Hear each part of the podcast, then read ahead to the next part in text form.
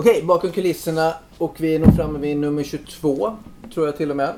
Eh, eller något sånt där. Och idag är vi ju jättemånga som är med, vilket är jättekul. Vi är vårt nya stora runda bord, eller ovala bord här inne. Det är nästan som Vita huset på något Mm. vis.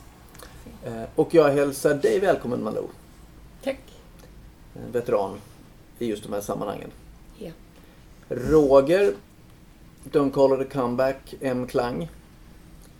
Är här, välkommen. Tack. Tony ryckte både ut och in. Ja. Och, Det var lite olika bud men det blev till slut här inne.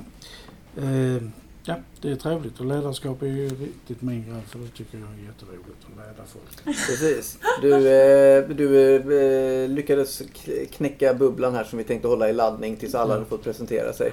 Eh, att det kommer handla om ledarskap och organisationskultur i dagens program. Då då. Men välkommen Tony. Tack. Olof, Ja, känns som du sitter jättelångt bort idag. ja, ja, jag försöker hålla mig så långt borta för att minimera spridning. Precis, för vi jobbar ju hårt med just utifrån restriktioner också se till att Ja. vi tar det på allvar. Ja. Eh, här när vi är många. Så välkommen Olof. Tack så mycket.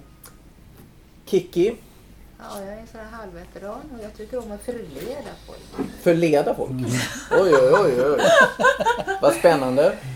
Eh, ja, får vi se vad, hur Ja. du kan förleda oss i dagens podd här. Och välkommen. Tack, tack. Claudia, det är första gången du är med i Bakom kulisserna och podden va, tror jag. Mm. Vad kul. Och nej, jag tycker att frågan är intressant. Mm. Jätteintressant och den är ju aktuellt alltid. Liksom. Precis, och du var i allra högsta grad med och, och drog igång temat i måndags här. Ja. Eh, Så att, eh, hjärtligt välkommen. Mm. Peter, som vanligt eh, närvarande. Ja. Och idag var du till och med i god tid innan.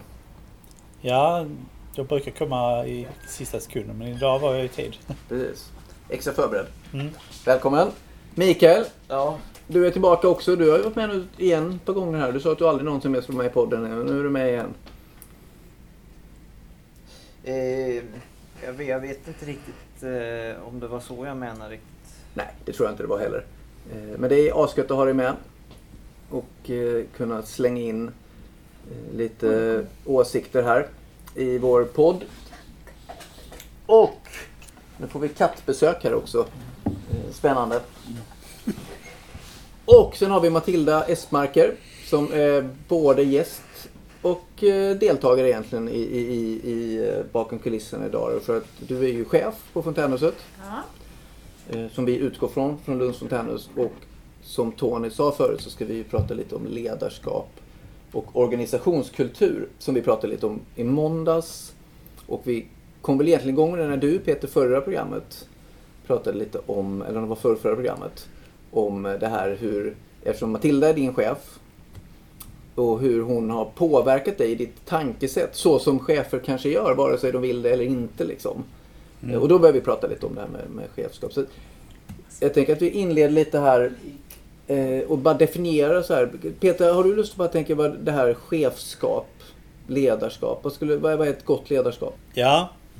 Eh, vad är gott ledarskap? Ja, jag tror det är att eh, man, man ser vilka egenskaper, goda och dåliga egenskaper som ens medarbetare har.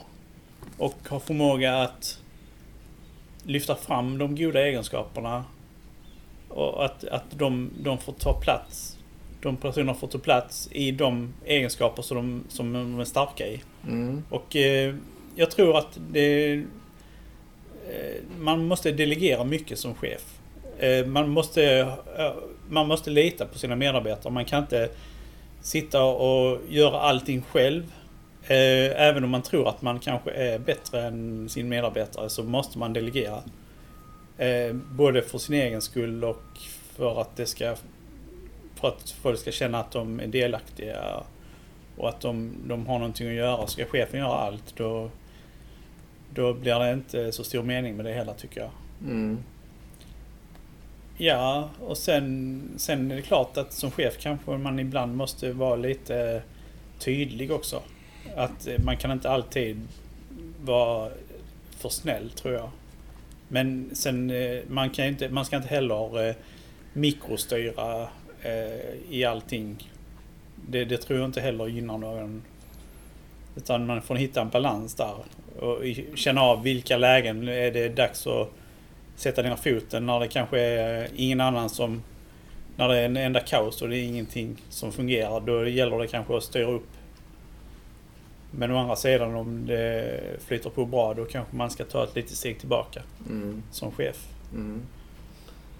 Eh, vad tänker du Kiki, behöv, men behövs chefer egentligen? Ja, på ett sätt eh, gör de ju det för att det har ju med bestämmarna så de tycker en sak egentligen att man håller i samman, håller ihop Mm. personal och så va. Mm. Ja. Mm. Vad säger du om det Claudia? Med chefskap, behövs det? Alltså jo, i de flesta fall tror jag Mm. i alla fall. Och särskilt kanske om det är liksom, ska man säga, så, det, det kan alltid inträffa lite sådär akuta situationer. Då, då är det jätteviktigt liksom, att det finns någon som vet i alla fall hur man skulle kunna göra det istället för att det är flera stycken som diskuterar fram och tillbaka vad man ska göra. Liksom. Mm. Så det är jättebra att det finns någon som, som vet, ah, okej men nu gör vi det här och nu gör vi det andra och så, och så vidare. Liksom. Mm. Men sen samtidigt så tycker jag att, man kan, precis som du sa, alltså det här med delegering. Då minskar också rollen för chefen. Mm. Och så länge det sköter sig så är det inga problem. Alltså, faktiskt. Så att jag håller med dig, liksom, man måste lita på personalen. Mm. Man måste lita på att de kan, de kan göra det. Och gör man alltihopa själv. Jag begick nämligen det misstaget när jag jobbade. Så då brände man ut sig. Mm. Och det var det jag gjorde för då plötsligt så tror jag jag var för snäll och, eh, och, och ja, vissa var väldigt tuffa och andra var väldigt snälla och sådär. Och då, då blev det liksom kaos faktiskt i verksamheten. Liksom. Mm. Så att man kan inte vara För att du var för snäll? Ja, men också andra, för, då andra var för, för, för hårda. Alltså, så att Mm. någonstans där mitt emellan, alltså att lita, lita på de här man arbetar med är Mm. jätteviktigt. Det tror Mm. jag också. Jag Vad tänker du. Malou? Jag tänkte på en sak till som man ofta nämner när det gäller det där med en bra chef. Det är att välja bra medarbetare. Mm. Det och att delegera är väldigt viktigt. Men sen är det också, som vi har pratat om tidigare också, det här med att viktigt att chefen är klar och tydlig. Mm. Mm. Jag var före. Nej, det var det inte alls det. Jag var Jo, jag säger Tack. Peter, du räckte upp handen Jag vill bara kommentera att Du kom in sen Roger. Den, den beskrivningen av en chef som jag gjorde, det tänkte jag främst på en företagschef. Mm. Är det skillnad på det då? Ja, det är skillnad. Okej. Eh, att vara chef för ett fontänhus tror jag är mycket svårare än att vara chef för ett företag. Varför då? Därför att eh, du, du har... Du, har eh, du kan inte köra ett fontänhus som ett företag riktigt. Det går inte. Eh, utan eh, det, det kommer till komplikationer. Alltså du, folk de måste ju känna att det är trevligt att komma till för fontänhuset. Mm. Kan, man kan inte köra med en, en medlem och säga att punktmarkera att du ska göra detta och detta och detta.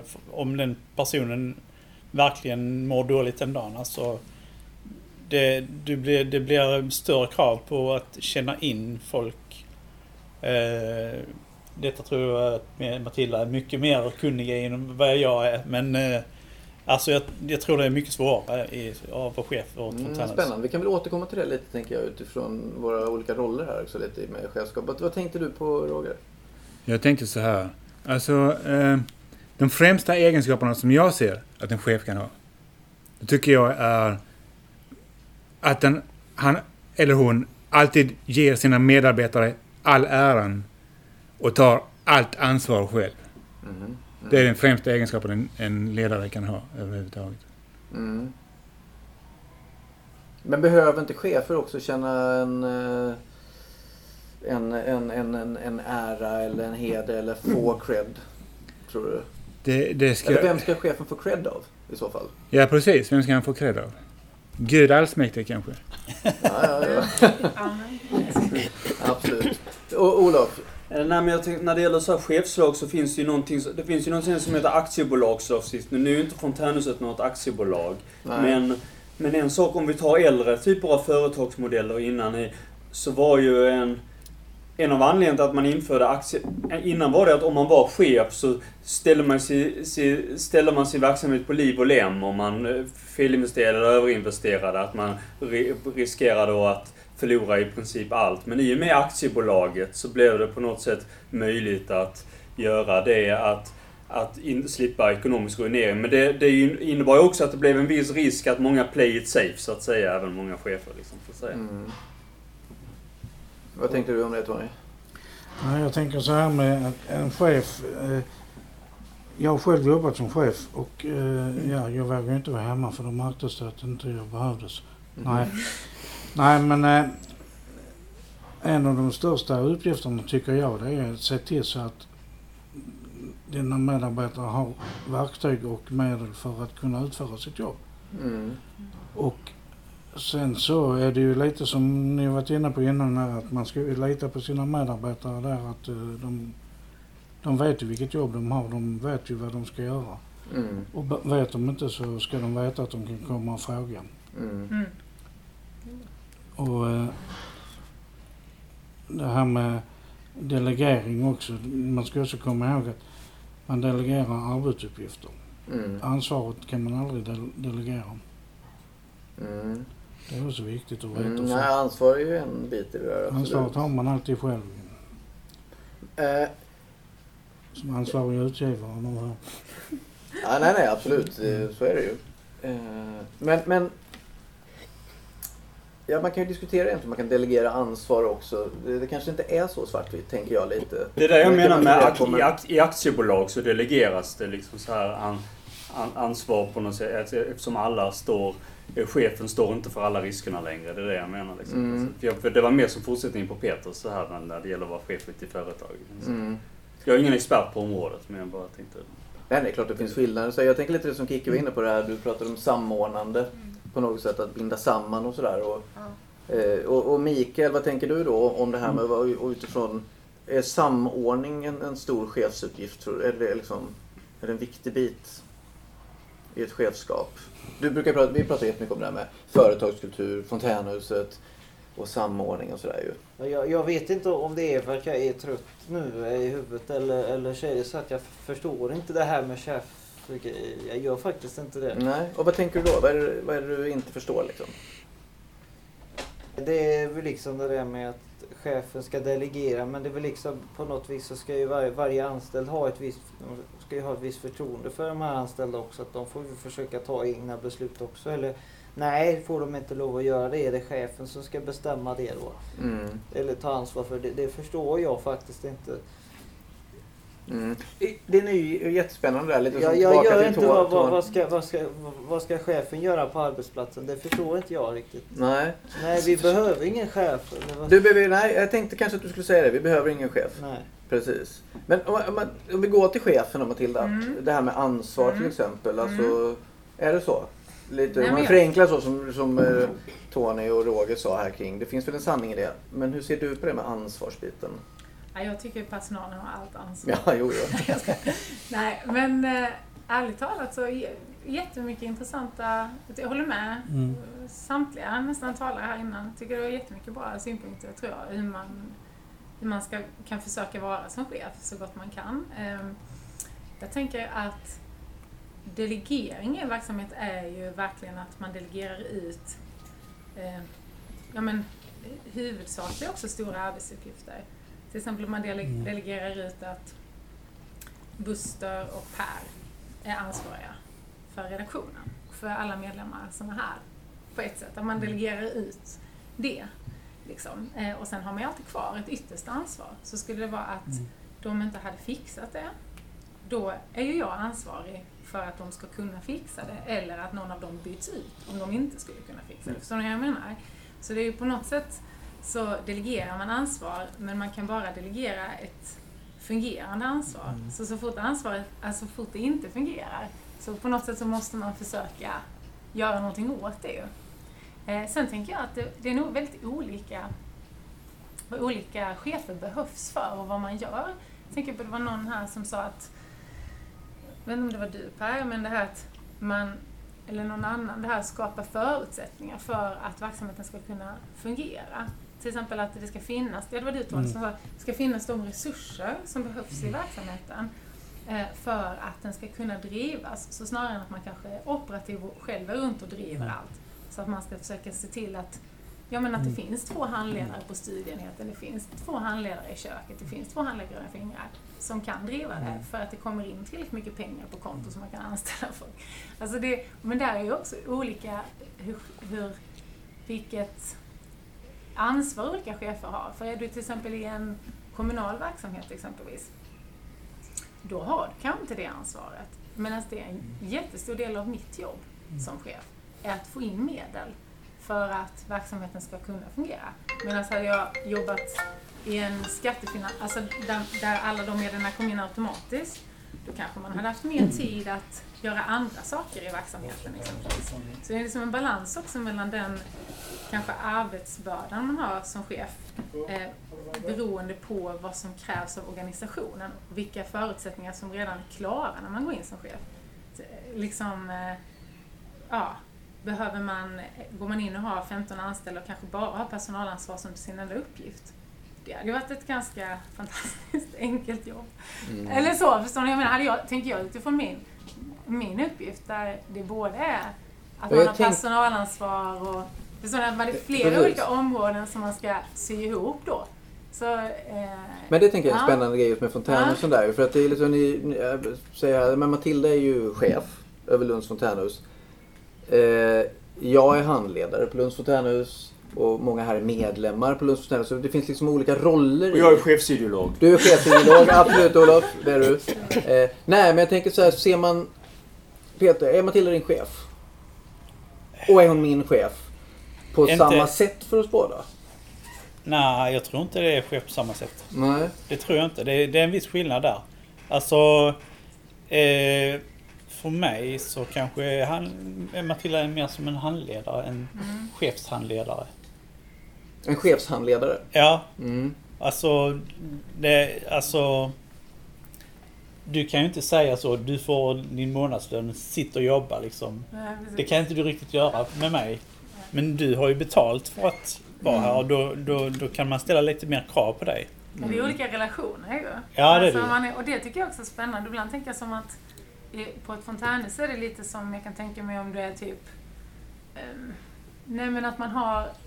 Du har ju både liksom kanske då, låt säga på fontänhuset i Lund är det väl 13-14 anställda kanske totalt med alla, med timanställda så som där, där du har det här personalansvar och liksom sådana bitar. Och sen har man, eh, har man ju att man är verksamhetsledare liksom för Mm. alla andra på något sätt att man ändå har ett ytterst ansvar om folk tycker att något inte fungerar eller om man behöver resurser till något eller man eh, ska samordna och på något sätt försöka vara med och sätta någon kultur.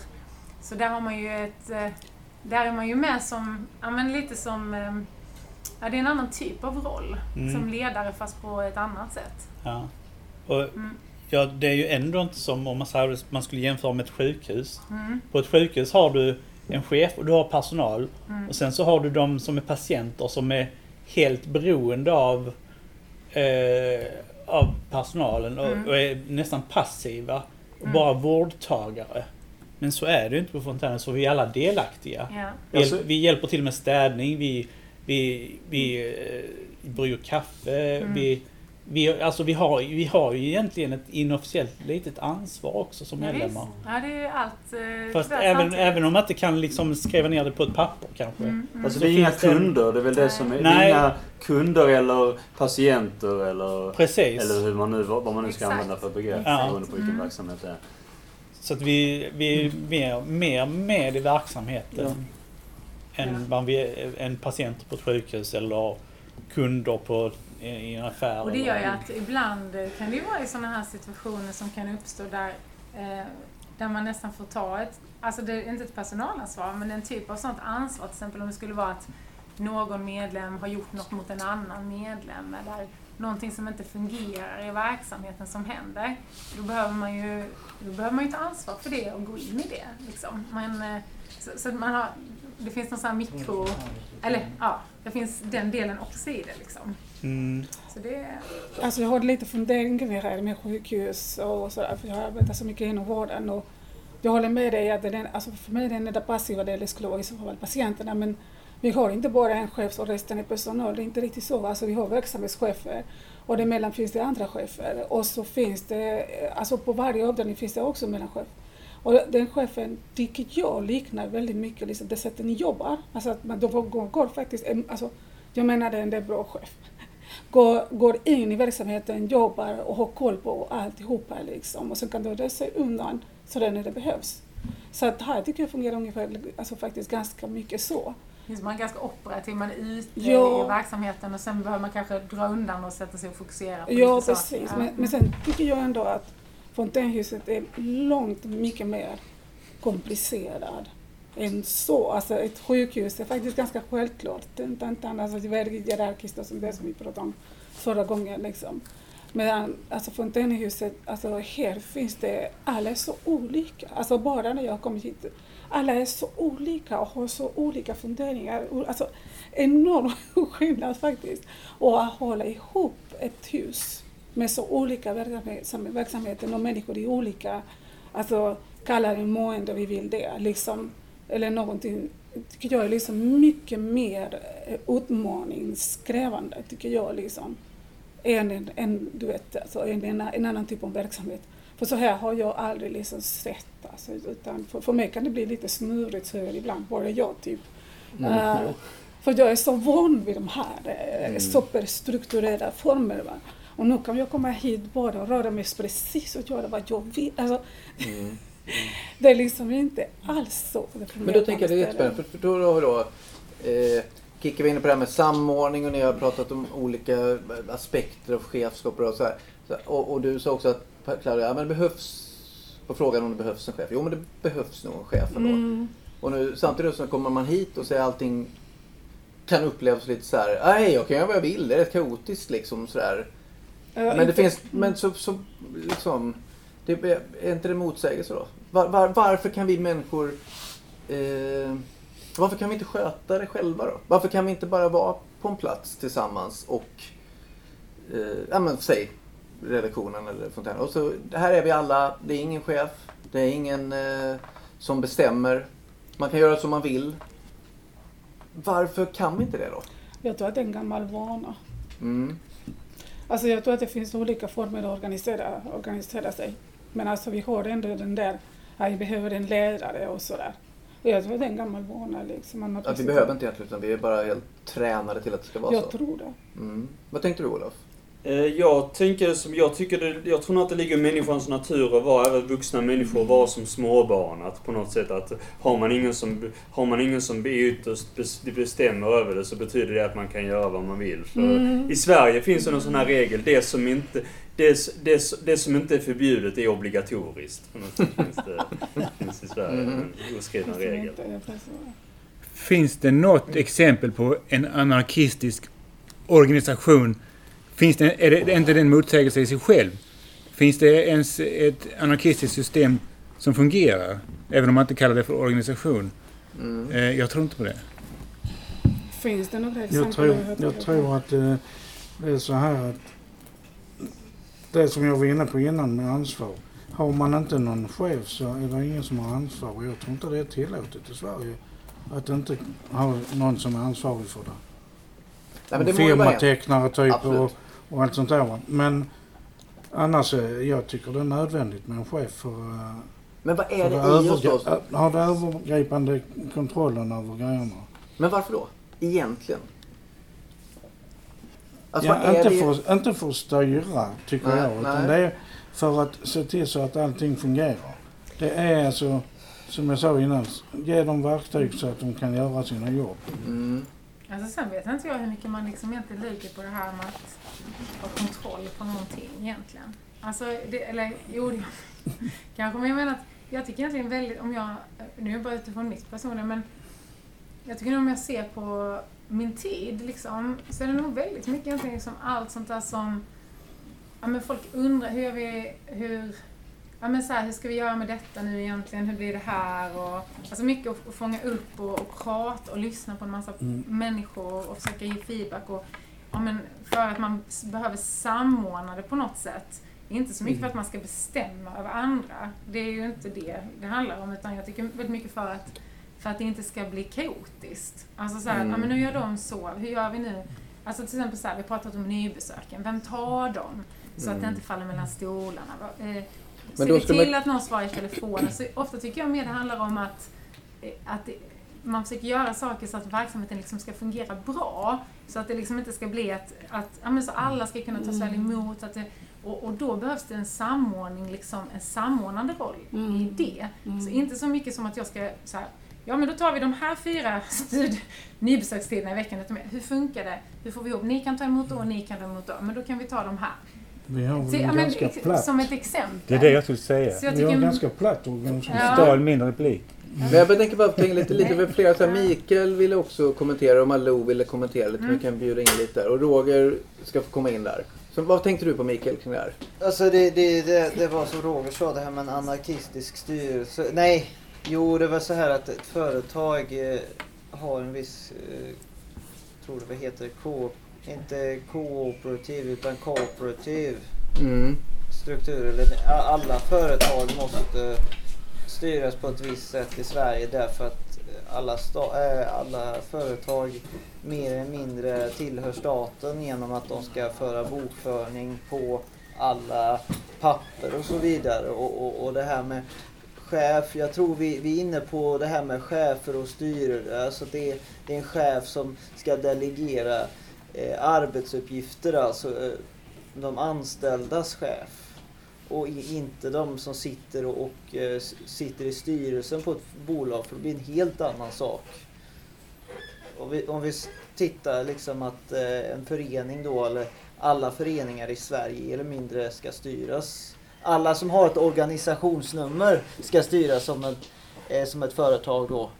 För Då är du lite inne som Tony sa, rent juridiskt. Ja, ja. Det Men, det, men, det, eh, men, men, men just det här med anarkistisk eh, organisation, det, det håller inte jag riktigt med om. Anarki, det, det pratar man om att det är just anarkister, de vill inte ha stat, de vill inte ha en stat och inga företag. Liksom, de vill inte ha den här, kooperati- ko, den här kooperativa strukturen har jag fattat det som. Men när vi pratar om chefer då har jag fattat som att vi har pratat om chefer på en arbetsplats då. Precis, men jag tänker lite att det kanske inte är motsatsen, att det, det är de givna bara. Det, antingen är det chefskap Ja, eller anarki. Mm. Det, är det väl lite det, vara- det, det är väl det vi pratar om, att var, Ja. varför... Att, att man kan ju tycka att chefen han är bara i vägen. Ska, han ska bestämma allting. Han ska Mm. sitta på arslet och alla andra göra hans jobb. Så är det! Mikael. Du har ju sagt att du är diktatorn Det här. behöver vi inte prata om nu. Det- Ja, absolut. Mm. Precis. Ja, men det är därför lite den här grejen är en intressant diskussion tänker jag kring, kring vad, vad innebär ett ledarskap egentligen? Vad är det vi behöver i det och vad behöver vi inte liksom? Eh, Roger ville säga något som Malou och som heter att Claudia vill komma in här också. Eh, det finns ju egentligen två ytterligheter när det gäller organisationer. En organisation behövs och det behöver en chef. Men man kan ha en platt organisation och man kan ha en stuprörsorganiserad organisation. Och eh, jag är för, som du säger, då, platta organisationer. Men ibland kanske det är bättre med stuprör, det vet jag inte. Men jag tycker att... Eh, Va? Militären. nej, alltså det det... nej, det, det, det tycker jag inte. Det är ganska platt. Är det det? Ja, det tycker jag. Idag ja. Idag. Ja, idag kanske ja. Eh, Men eh, vad ska jag säga? Jo, eh, nej, ni förvirrar mig här. Förlåt Roger. De brukar säga att man måste ha en kapten som styr skeppet. Ja, men du pratar om två ytterligheter. Alltså Ja, stuprör eller väldigt platt. Och jag tycker att det här, det här är ett exempel på en platt organisation. Och det fungerar jättebra. Ja. Mm. Så att det, jag, jag, ser, jag, jag ser bara det positiva med platta organisationer. Mm. Jag, jag älskar platta organisationer. Jag tycker Mm. man ska ha det. För att du får en känsla av att du är med och bestämmer. Ja, det, det, Eller påverkar. det, jag tycker det fungerar bäst. Mm. Alltså, man, man ska ja, inte vara... Jag är bara nyfiken på vad det är som gör att saker fungerar bäst. Då, Man ska inte vara rädd för att bli bemött som chef med kritik. Utan man måste liksom eh, kunna ta kritik och, och, och, och liksom göra det bästa av det, det man får. Mm. Mm. Definitivt. Vad tänkte du Malou? Jag tänkte på det att det låter som att det är chefen som ger direktiv om allting hela tiden. Men på, de, på väldigt många företag är det så att det finns arbetsinstruktioner. Det finns nedtecknat. Mm. Och här är det inte på det sättet riktigt, men vi har väldigt mycket regler. Om en del av de här reglerna och en del av de här arbetsinstruktionerna är någonting som har kommit med tiden. Det är en del av en företagskultur. Mm. Ja men det är intressant att du är inne på företagskultur. Alltså, för hur skapar man den kulturen då? Alltså vad, vad blir chefens roll i att skapa en företagskultur och vad blir medarbetarnas och mellanchefernas roll i det? Har, vi skapat den här kulturen här? Eller är det Matilda som har, som har satt tonen för en kultur? Vi har varit delaktiga, Mm. absolut.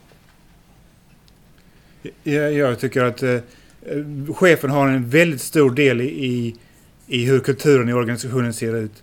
Eh, väldigt stor del. Sen kan det alltid finnas eh, motvallskärringar eller någonting som, som inte fungerar. Men i stora hela så är det chefens eh, förtjänst om det går bra och chefens fel om det går dåligt. Det, Mm. det, ofta tror jag att det är så. Du ska få komma in Tony, men jag tänker bara Claudia har väntat ett tag här nu. Ja, jag har lite funderingar här igen om, alltså du sa det här Mikael om, alltså det här med anarkistiska organisationer. De är faktiskt, alltså ska man säga, liksom, de är kooperativistiska faktiskt. Alltså det, det, är just, det är just det de ska vara liksom. Just för att inte behöva någon form av ledare. Va? Alltså det, vill, alltså det vill säga att, alltså att de organiseras i grupper liksom, och det blir liksom så platt som möjligt. Inte så att det inte skulle finnas ledare för de ibland finns, alltså, men att det skulle vara så platt som möjligt. Och jag tycker att det här fungerar faktiskt lite så på många sätt. Så att det, alltså man hjälper ju varandra och man vet att det finns problem så att man kan vända sig till dig eller till dig eller till dig. Alltså, alltså man vet, eh, alltså man är inte helt ensam och samtidigt så tror jag faktiskt att alla delar bidrar med att få en kultur här. Mm. Jag känner ju skillnad på liksom det, det, kultur, alltså det här fontänhuset i, i, i Malmö, jag tror jag berättade för dig eller för någon annan här. Och den här, det här huset alltså. Att jag tog mig bussen hit, det, liksom, det beror på att jag trivs faktiskt bättre här än vad jag skulle trivas i, i, i Malmö till exempel. Va? När jag försökte liksom. Och det är jättestor skillnad alltså. Alltså Mm. att komma hit, det är nästan som att komma till en kollektiv måste jag säga. Faktiskt. Och eh, det, samtidigt så händer ju saker väldigt organiserade och så vidare. Liksom, det är faktiskt mycket med kollektiv. Och eh, där borta tycker jag är lite mer institutionsaktiv eh, Mm. verksamhet. Så att, Jag är väldigt nyfiken på det, för det här är ju spännande vad det är som sätter olika kulturer. Liksom. Så jag, tänker, jag tycker det är jättespännande i, i, i eh, liksom, ett kollektiv kontra Mm. ett ledarskap. Liksom, vad det är som händer i den, i den relationen. För man, vi kommer inte undan den ändå. Liksom. Tony och sen Kiki. Jag tänkte på det här, vi var inne på det här att vi har eh, medinflytande, vi medlemmar. Känner alla det så? Att de eh, känner att de kan påverka? Jag tycker att jag kan eh, påverka. För, eh, dels är det klubbårsmötet, sen kan man ju ta det direkt med handledare eller direkt med Matilda om man vill. Saker. Och det gör jag i alla fall. Mm. Klubbårsmötet är jätteviktigt att vara med på att ta upp sina saker där. Men jag tänker att kulturen för att kunna göra det Ja. är ju viktig. För att eh, visst, man, det är lätt att man kan det. Mm. Men det betyder ju inte att det är lätt att göra det. Men För vi har det våra finns ju en riktlinjer som chefsroll, det finns en hierarki, det finns en att ställa sig upp i en grupp eller att gå till någon. Eh, Jag är handledare här till exempel. Vi ska jobba tillsammans men det är klart att jag får en annan roll. Och ja, visst, som du sa Mikael, jag är diktator. Mm. Eh, Ja, det- på skämt, på skämt såklart. Men, men, men, men jag menar... Vi gör att- uppror. Ja, ja precis. Och, och jag tänker, det tänker jag alltid nämligen. För jag tycker det är spännande så här, att om man utser, utger sig för att vara diktator, då måste det också komma ett uppror. Att det finns en spänning mellan ett auktoritetstrots och en auktoritet. Jag tänker att, det- att, att det är en förutsättning väldigt mycket för en välfungerande eh, nu får ni tänka i positiva ord, eh, bemärkelser. Att, att, Nu var det i Kikis tur. liksom. Jag vet att Kikki ska komma in, för jag tänkte just sen fråga dig lite om det Kikki. Men du kan säga vad du tänkte först själv. Eh, jo, jag känner att vi har ju då en viss, eh, alltså man får bestämma tillsammans. Liksom. Och sen så då, om man har en idé till exempel, då kommer man ju till Matilda och frågar henne, vad tycker du om det här? Va? Är det bra eller, eller så kan man få så liksom. Ja. Som ett exempel. Får du det? Det har väl hänt någon gång, liksom, när det finns inte pengar eller vi ska föra det vidare eller så. Mm. Jo då. Men du, jag tänkte på det här med Kiki, det här med auktoritets... För det pratade vi också lite om i måndags. Och jag tänker på förhållande till chefskap och auktoritet i stort då. Mm. Eh, gillar du auktoriteter? Inte direkt. Nej. Nej, jag är ganska mycket rebell så att eh, Mm, tycker om att gå min egen väg och bestämma själv. mm. Ja. Och ändå så tycker du att det är rätt bra med chefer som samordnar liksom. Så här, finns det Ja. inte någon, någon, någon eh, spänning i här det? är det lite annorlunda för att det Mm. blir inte riktigt den konst, kontrasten va. Nej. Som man tänker sig på ett arbete. Där är du själv. Där gör du som jag säger annars så kan du Mm. sticka härifrån och bli utan pengar och sånt. Mm. Det händer ju inte här. Nej. Man kan bli avstängd när man kanske bufflar sig och så liksom. Det, det händer. Men Mm. Fast du blir inte avstängd för att du har en, en åsikt till nej, exempel? nej, precis. Mm. Vad skulle du säga Peter? Eh, Jag tänkte att det här med roller, det är ju inte hela sanningen egentligen. Nej. Nej, det handlar också om vad man vet själv, vilken information man själv har. Till exempel eh, om, om, jag, om det är någon ny som kommer hit och frågar någon i mig kan jag sitta här inne och jobba vid en dator? Så säger jag ja men det kan du göra för det vet jag att man kan göra. Mm. Då behöver inte jag gå till Matilda och fråga kan Mm. den här personen sitta här? Mm. Utan eftersom jag vet om att det går bra. Ja. Mm. Det är likadant eh, om man ska, visa, om man ska ha uppgifter att göra. Alltså vet man hur, hur man ska göra, då behöver man inte fråga chefen. Mm. Förhoppningsvis så stämmer det också. Att, Ja, jag håller med till 100 procent. Alltså det, är jätte, det är så man vill att det ska vara, att man känner att känner så. ja. Mm. Men det är väl ett ansvarstagande för det kollektivistiska som till exempel Claudia var inne på här. Att, att, att, att man tar ett ansvar för varandra genom att ta ansvar för sin egen del i det. Liksom. Mm. Ja, och, nå, nå, Mm. och någonstans så tänker jag att det är också en spännande sak när man pratar om ledarskap. För att någonstans tänker jag att alla människor som gör, som, som leder, vilket alla människor gör på något sätt. Alltså vi, vi går alla till jobbet här och påverkar andra människor. Mm. Alltså så, jag gör det och ni alla här gör det ju. Att vi med det humöret vi har, med det inflytande vi får över gruppen. Alltså så. så på så sätt tänker jag att alla människor är ledare. För, alltså, vi är alla ledare och vi är alla liksom har människor som lyssnar på vad vi gör och påverkas av det vi väljer. Så d- där finns ju också en sån sak att, precis som du var inne på Malou, att vi är många som har påverkat det, vad det här är för hus. Många människor som har varit här eh, och som påverkar den här kulturen med sitt eget, på ett sätt ledarskap. För att vi är, med, vi är medledare till varandra på många sätt. Vi påverkar varandra. Det ansvaret vi tar för varandra och för verksamheten, det, det känns och syns liksom. Eh, tänker jag. Mm. Och, och, eh, så, så, och där tänker jag det är spännande hur man tänker om sig själv också. Om man, eh, om, att liksom, det är spännande att våga tänka på sig själv på det sättet.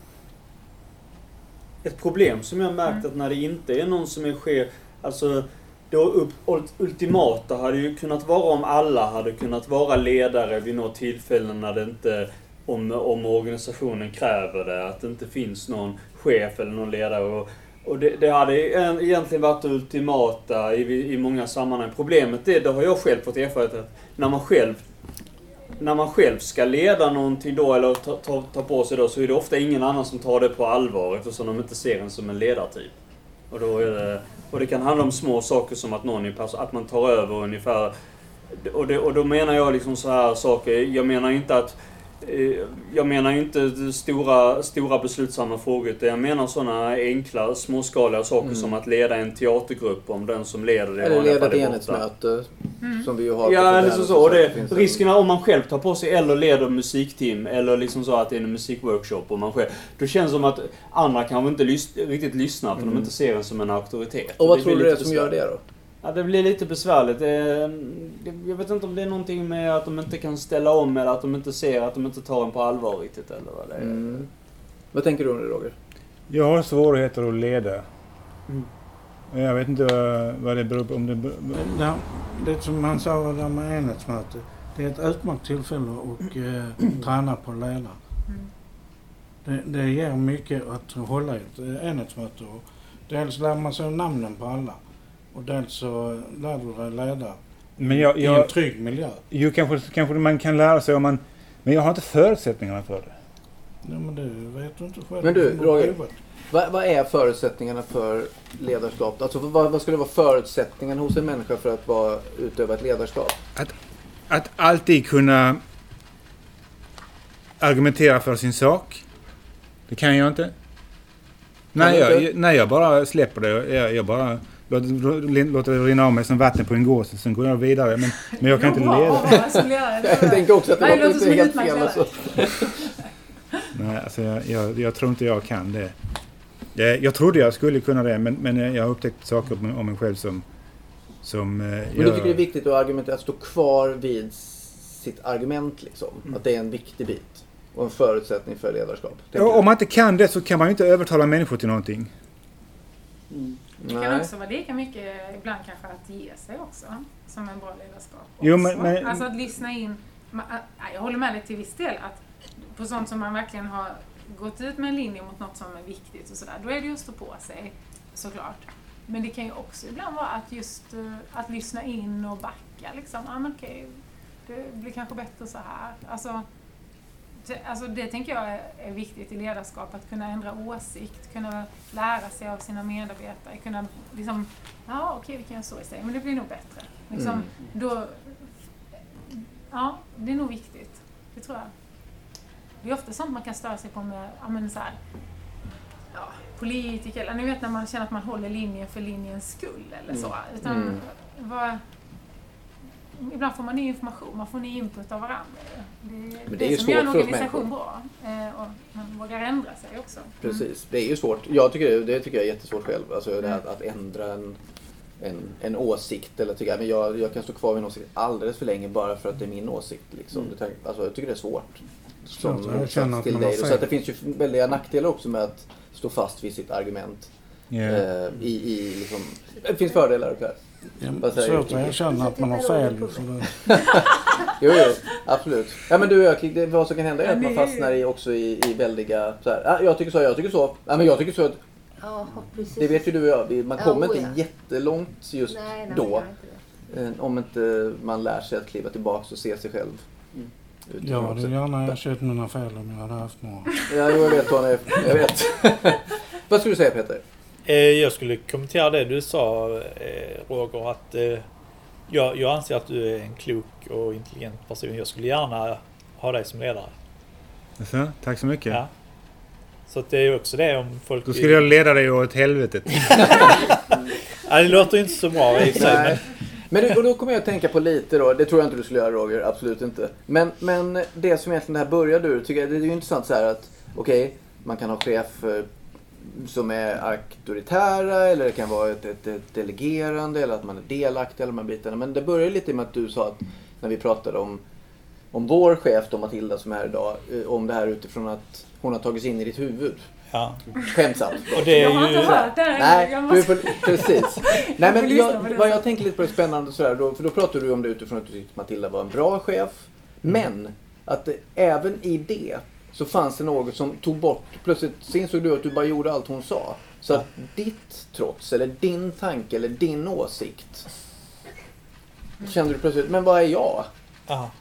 Liksom. Så att, vad händer med oss i, när vi möter auktoriteter eller om det nu är bra eller dåligt eller så här, så, så kanske, förstår ni vad, vad jag vill åt lite? Vad, vad, vad tar vi vägen i mötet med auktoriteter liksom? Förlorar man, ska man förlora sig själv? Lite? Jag, jag, tror det. Ja. jag tror det finns en del människor som kanske inte, jag är kanske inte exempel på det egentligen, men jag tror det finns människor som förlitar sig helt och hållet på sin chef och som Mm. känner att de klarar inte att övergöra någonting själva. Nej. Utan de måste alltid ha mer order från chefen om vad de ska göra. Mm. Och de känner sig trygga i det. De känner inte sig trygga om de ska göra saker på eget bevåg. Sen Mm. finns det den andra varianten också. De som inte bryr sig om vad chefen säger. Nej, jag har mina egna åsikter. Jag vet hur det här jobbet ska göras. Därmed basta. Mm. Och sen gör de sin egen väg liksom. Mm. Så att, eh, men jag, jag är egentligen inte någon av dem. Utan det är bara det att jag...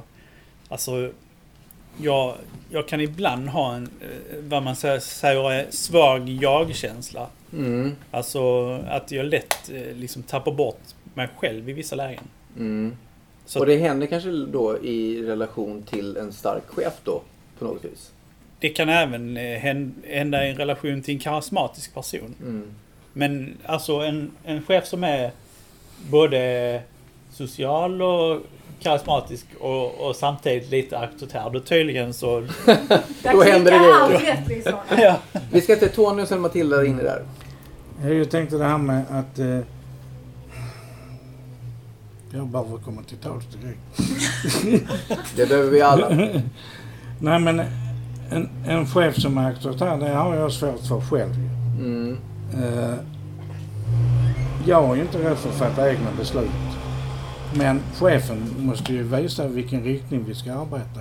Och håller jag inte med om den riktningen måste jag byta jobb. Mm. Utan vi måste ju gå med på samma riktning som chefen. Men sen så kan man fatta egna beslut på vägen. Mm. Bara det är samma riktning. Mm. Tycker jag i alla fall. Eh, För Ja det, det är är väl må, det är många som sitter ju inne på möten med, alltså stormöten som man har på företag och sen så har de en helt annan åsikt än Mm. vad som har bestämts där. Men är inte det det, jag svår... tänker jobba som jag har gjort och jag Mm. skiter väl i det. Och då har man inte där att göra egentligen tycker jag. Nej men är inte det en svår balans i oss Tony, tänker jag det här med att för givetvis är det så att man, man måste kompromissa, man måste gå med på någonting och samtidigt finns det ju gränser någonstans där man känner är, är det här det här kan jag inte göra liksom. Mm. Och då kanske, men då tänker jag, är, är- då enda alternativet att, att lämna? Det måste det kanske inte vara tänker jag. Det kan ju Nej, vara men ett, alltså det beror på hur mycket du kan diskutera med chefen och eh, sådant. Men du kan ju inte, alltså har det bestämts på ett möte så måste man gå på den linjen tycker jag. Mm, Det är ju demokrati, det måste man ju försöka följa. mm, Du kan inte köra din egen, då är vi inne på det här med anar- anarki. Att jag skiter väl i vad chefen säger, jag jobbar på mitt sätt. Mm. Och då blir det inte bra ju. mm. Jag tycker det låter väldigt klokt. Mm. Matilda och Claudia eh, inne Jag har byggt upp två roliga, så, Mm. intressanta saker i samtalet. Det ena liksom kopplat till det du snackade om Peter. Jag tycker själv att jag har mött ganska sådär karismatiska ledare under åren. Eller så här personer som jag har liksom haft väldigt så här, ja men ni vet instinktivt liksom väldigt starkt förtroende för och så. Sen har jag varit med vid, alltså i alla fall minst ett tillfälle eller två där de här personerna liksom då visat sig ha gjort vissa saker som jag blivit väldigt besviken på. Alltså ni vet så att jag bara, va? Alltså hur? Som inte alls liksom var förenligt med det som... Så jag tror det är väldigt viktigt, i, nu hoppas jag inte att jag ska göra det besviken, men, men jag menar att, att jag tror att alla, man, man stöter på det också så fort man överhuvudtaget eh, idealiserar någon. Att eh, komma ihåg att alla människor är människor som inte alltid kommer fatta rätt beslut och inte alltid kommer ha, ha rätt eller vara på, Förstår du vad jag menar? Alltså att man har ehm, det är alltid jätteviktigt att liksom hålla kvar sin egen kompass och fråga sig hela tiden, liksom, tycker jag det här är bra, låter det verkligen vettigt? Eh, oavsett om man har förtroende för någon, för att även människor man kan ha ett högt förtroende för och som man kanske har anledning att ha ett högt förtroende för, kan också vara på fel spår ibland. Alltså så. Så det är Mm. viktigt tycker jag att man Ja men så som du gör, att du liksom hittar den här egna inre kompassen så som du beskriver liksom att man tänker efter. Men vad, vad vill jag själv? Vad, så att man liksom hittar den. Det var det ena jag tänkte på. Sen kopplat till det som du snackade om Tony. Jag, eh, Sonja eh, som eh, satt i vår styrelse innan, när jag började på Fontänhuset, eh, jag började 2012. Hon, hon är nog den personen som jag känner har varit en av mina allra bästa, alltså hon, hon, var, hon var en så superbra chef på så sätt att hon och jag, vi bråkade ganska mycket, alltså vi argumenterade mycket och hon ställde väldigt höga krav, tyckte jag, alltså på ett sätt. Så när vi började studienheten då, då var jag så ja men det kanske blir lagom med så 10 liksom, vi hinner inte så mycket. Och så där, hon bara, "Uff, ni kan ha 20 stycken, det är inga problem alls. Och liksom så här, och Ja men att hon var väldigt så här, ni vet, lite tuff och, satte, och var så här, men jag kan sätta upp de här målen och så. Och jag tycker att i det så mejslade hon också fram liksom sidor hos mig som jag har haft så mycket nytta av sen. Mm. Alltså både att prata med finansiärer och kunna säga så här, nej vi skulle behöva 200 000. Alltså att kunna våga säga en sån sak eller kunna, Mm. alltså att hon, hon var väldigt sådär, hon, ut, hon, hon var duktig på att utmana en. Eh, och då också att man såg att man kunde göra mer än vad man trodde. Men det hade ju aldrig gått om inte jag hade också känt att man kunde argumentera med henne. För hon och jag hade väldigt mycket diskussioner. Men Mm. i efterhand kan jag säga att hon är, att jag uppskattade henne väldigt mycket i de diskussionerna liksom. Att det var, en, det var en grej jag tyckte var så bra och som fick en att växa också.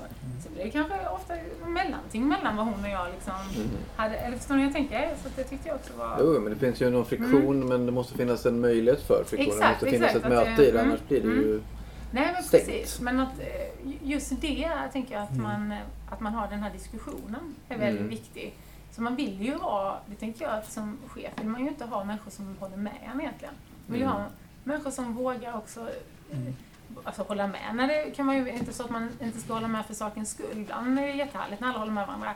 Men det är jättebra när människor säger, fast tänk efter lite nu. Liksom. Eller vad, hur blir det med det här? Jag Då blir ju verksamheten bättre liksom. Det är ju Mm. det som är målet, att vi ska kunna liksom, att fontänhuset ska vara så bra som möjligt för så många människor som möjligt. Jag brukar säga att intern kritik är bara positivt. Extern kritik, då har det gått för långt. Nej, det. Ja. Mm. Jag ska, eh, Peter snabb kommentar Mm. och sen Claudia och Kiki. Jag, jag ändrar mig. Jag säger Okej.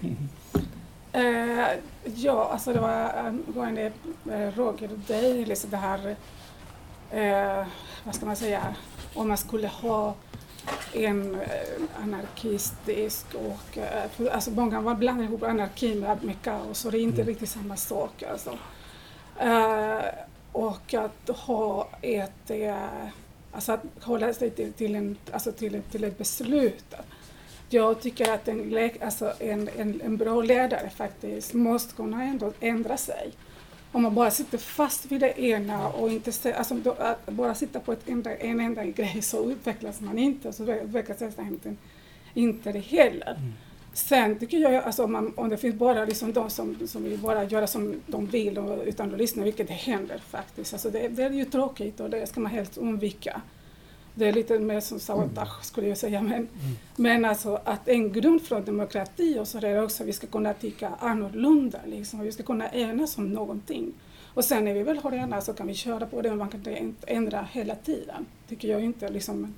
Men ändå liksom att, att kunna förenas kring någonting. Alltså som ni gör med morgon. Ni, ni har liksom en sån där samling. Mm. Och det är väl det. Man organiserar arbete, man går igenom vad man ska göra, liksom man kommer med förslag. Alltså, det är ju ett fantastiskt sätt att jobba på tycker jag. Mm. Så det, och där håller jag också med, med Matilda om det här med att man faktiskt när man möter konfrontation, Mm. att det är inte alltid negativt, verkligen inte. Alltså, utan Mm. det kan vara väldigt positivt och ibland konflikter. Så länge man kan lösa dem. För jag hade till exempel en chef en gång Oj, oj, oj, gud vad vi, alltså vi bråkade på riktigt men, men det var på på så bra sätt att hon kunde tala till punkt och jag kunde tala till punkt. Och bara det, lyssna på varandra, Mm. gjorde att vi faktiskt löste, löste liksom det tillsammans. Så det har suttit hos mig sedan dess. Alltså. För då vet jag, aha men så här kan jag lösa en konflikt. Alltså genom att lyssna på den andra och inte bara köra på mitt. Alltså, Mm, sådär, va? Mm. Så det var jätte, jättebra. Alltså jag lärde mig faktiskt massor med det. Alltså, så att det är liksom dynamik i grupper händer ju nästan alltid. Liksom. Mm. Men att, eh, man måste kunna ta in, även, en chef måste kunna ta in när, även när det kryssar. Alltså. Mm. Men det är väl den här klassiken Teachers never learn. Alltså att du Ah, måste kunna Ah, liksom, lära dig att lyssna också för att Mm, kunna... mm. Det finns ju också exempel på chefer som inte vågar fatta beslut. Och i sådana fall tycker jag att det är bättre att fatta ett felaktigt beslut än inget alls. Mm. Ja, det är ju en intressant fråga. Jag vet inte två gånger om jag håller Nej, men Men jag vet det med din här. Bara lite, jag måste låta få komma till tals här. Vad, skulle, vad sa du? Jo, jag skulle bara säga att det var vår första chef, en dam, hon var en total katastrof. Mm. De många, många vet ju damen är rött, jag vet, inte säga- säga Jag vet ju vem det är men jag har inte varit under en så. Jag har inte varit här när hon var chef. Nej, det kan jag vara glad för. Kan vi inte bara köra en sån här namn, där vi bara namnger och pekar ja. ut massa olika människor utifrån våra erfarenheter? Det hade ju varit roligt alltså. Mm. Nej, det ska vi inte göra såklart inte. Eh, Peter och Roger. Eh, Det där du sa Tony, det, det tror jag inte alls stämmer. Jag tror det finns ett, en filosofi som säger så här. Om du inte vet vad du ska göra så gör ingenting. Nej, nej men alltså gör ingenting som Det är bättre, händer om, om, man, det. om man inte vet vilken väg man ska gå, det är bättre att inte göra Men någonting. det, det, jag menar inte att man ska stå kvar för det för att det är ett felaktigt beslut. Utan man kan ju då lyssna sen och säga oh det var fel. Och då ska man erkänna ja det var dumt det här men vi var i ett läge där vi var tvungna att fatta ett beslut. Okej, då menar du att man, man kan ha en, en metod att känna sig fram, liksom Ja. testa olika vägar Ja. för att hitta rätt väg. Ja. Ja, det, det, det är Jag lite menar inte att man annorlunda. ska, ska envist stå kvar för det felaktiga beslutet. Om man vet att det är direkt fel att stå kvar utan att göra någonting, då, då är det klart. Mm. Då är det kanske bättre att känna sig fram. Hörni, jag ska som kom in. För att vi, vi tänker vi... Att tre minuter till. Jag ska bara Eh, och- säga kort. Ja. Alltså, Kikki, du vill säga också någonting va? Jag, jag ska säga det här, men det, det du säger Claudia, eh, om att man, ska, man bör kunna lösa sådana här saker utan någon chef, alltså, alltså mellan, mellan individer i, i en organisation, eller in, inte en organisation, men inom en grupp individer. Det kan sluta som flygornas herre, men det kan också sluta bra. Alltså, det Men kan jag vara... menar att, alltså, att en en chef person. ska kunna ta det. Eh, man kan ta liksom med varandra. Alltså Ja, men du, du sa Men- att eh, du, du tyckte att det fanns ingen anledning att ha en chef innan. N- Nej, nej, nej, inte Så. så. Inte riktigt så. Ja, men då, då, då, då har jag ingen beef med det. Då, då, Nej, in- inte riktigt så. Alltså, jag menar egentligen samma sak som du, att det är så ju plattare det är som möjligt, desto bättre. Mm. ja, ja, det, det är Men en alltså, sak. jag tror ändå att det kan finnas grupper som kan fungera utan en chef, men, men jag tror inte att det är så realistiskt i Nej, alla fall nej, i inte vårt jag heller, inte jag samhälle. heller. va. Så. Men tiden går ju så jäkla fort. Vi har en timme. Så jag tänker lite att vi börjar runda av lite här. Eh, har du någonting Malou du tänker på kring, du har en lång erfarenhet av arbetsliv och, och chefer. Och så där, någonting du tänker på som vi inte har tagit upp här? Vill du bli bestämd över? Ja, jag tycker det är viktigt att jag kan ifrågasätta och jag tycker det är viktigt att nå- någon lys- eller att chefen lyssnar på mig Mm, och prövar det jag säger. mm. Att bli sedd är egentligen så här en, en grundläggande mänsklig grej kanske. Nej, det handlar inte bara om att bli sedd utan det handlar om att jag ska kunna komma med invändningar Mm. och att, de ska, att chefen ska pröva de invändningarna Mm, och inte bara låta det falla. nej.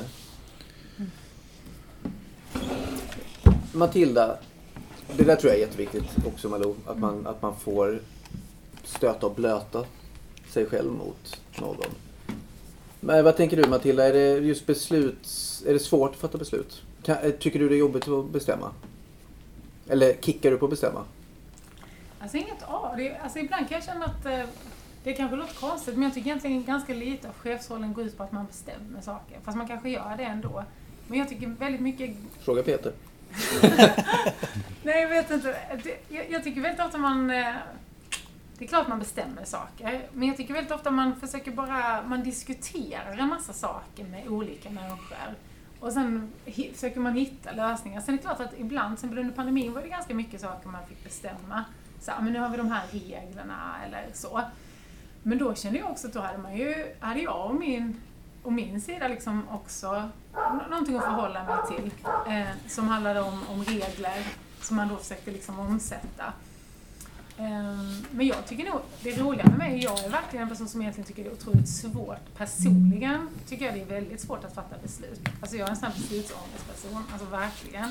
Som i, verkligen inte gillar att fatta beslut. Jag tycker det är skönt så länge beslut inte är fattade och det är öppet. Alltså så är jag som person, att jag tycker det är liksom, alltså, Men däremot så har jag nog, jag vet inte, i min roll här så tycker jag nog att eh, det finns som en glädje att också säga, men vi gör saker. Att man inte försöker vara, att man inte är för rädd, att man vågar prova grejer. Att vi liksom eh, att vi vågar vara modiga tillsammans och göra saker. Eh, och de, besluten tycker inte jag är så svåra att, att fatta. Sen kan det vara andra saker i chefsrollen som jag tycker är väldigt svåra.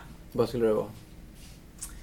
Ehm, ja, det är mycket. Det är många saker som jag tycker är svåra. Men, Mm. eh, Men om du får säga en mm. grej nu som du tycker är bland det svåraste. Ehm, vad kan det vara? Alltså det är väl... eh, jag- ja, men den här, det kan vara bala- balansgången mellan vad, vad, att ställa krav å ena sidan och å andra sidan vara lyhörd för människors behov. Tycker jag den kan vara svår. Alltså om man tänker hu- hur olika personer fungerar. Att, eh, eh, kan vara personalen till exempel. Vad, hur, mycket krav kan man ställa? Man måste också lyssna in, in vad folk orkar. Och, ja, men du vet, den balansen eh, kan vara rätt klurig ibland, tycker jag. Eh, och sen eh, så tycker jag att en sak som jag tycker är jobb, svårt i rollen här, det är ju det här att man alltid liksom har eh, pressen på sig när det gäller ekonomin. Som är en eh, stor sak tycker jag i mitt jobb. Att Mm. eh, liksom man ska söka pengar väldigt mycket. Och det tycker jag är eh, både roligt när det går bra, men det är också väldigt läskigt. Alltså så att jag ofta känner liksom mig nervös när jag gör det. För att jag så här, hoppas nu att vi får detta och hoppas att vi kan göra det här och att det går ihop. Eh, så. Och eh, då vill jag säga en rolig sak angående det. Och det var att vi har en fantastisk eh, person som heter eh, Caroline Svedrup som är en jättehärlig person som har stöttat Fontänhuset mycket och som skänkte oss nu, vi bad om ett uppstartsstöd, så skrev jag, ja, men jag tror mellan 100 och 130 000 kanske eller så. Och nu så såg vi här att hon hade satt in 150 000 på kontot här till det här med att starta upp och köpa ja, men allt med flytt och möbler och sånt där.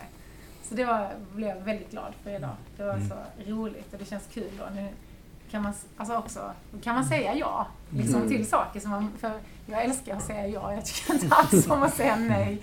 nej. Att säga nej är också jobbigt. Mm. Säger mycket hellre ja. Men det är väl bra. att du lä- läser Machiavellis första. Jag har ju fått den av är Jag har ju fått Machiavelli av Brad, men jag har inte tagit mig så långt genom den ännu. Nej, nyttig läsning. Men eh, att roligare att säga ja. Det är väl en bra avslutning och Mm. ett stort tack då till Caroline Svedrup kan vi säga allihopa då. Ja, som är verkligen. här. Helt fantastiskt. Eh, Och eh, vi eh, tackar också för oss och så syns vi och hörs vi nästa vecka i kanske den här formen eller någon annan form då. då. Så ser vi. Mm. Vad gött. Hej då! Hej, hej!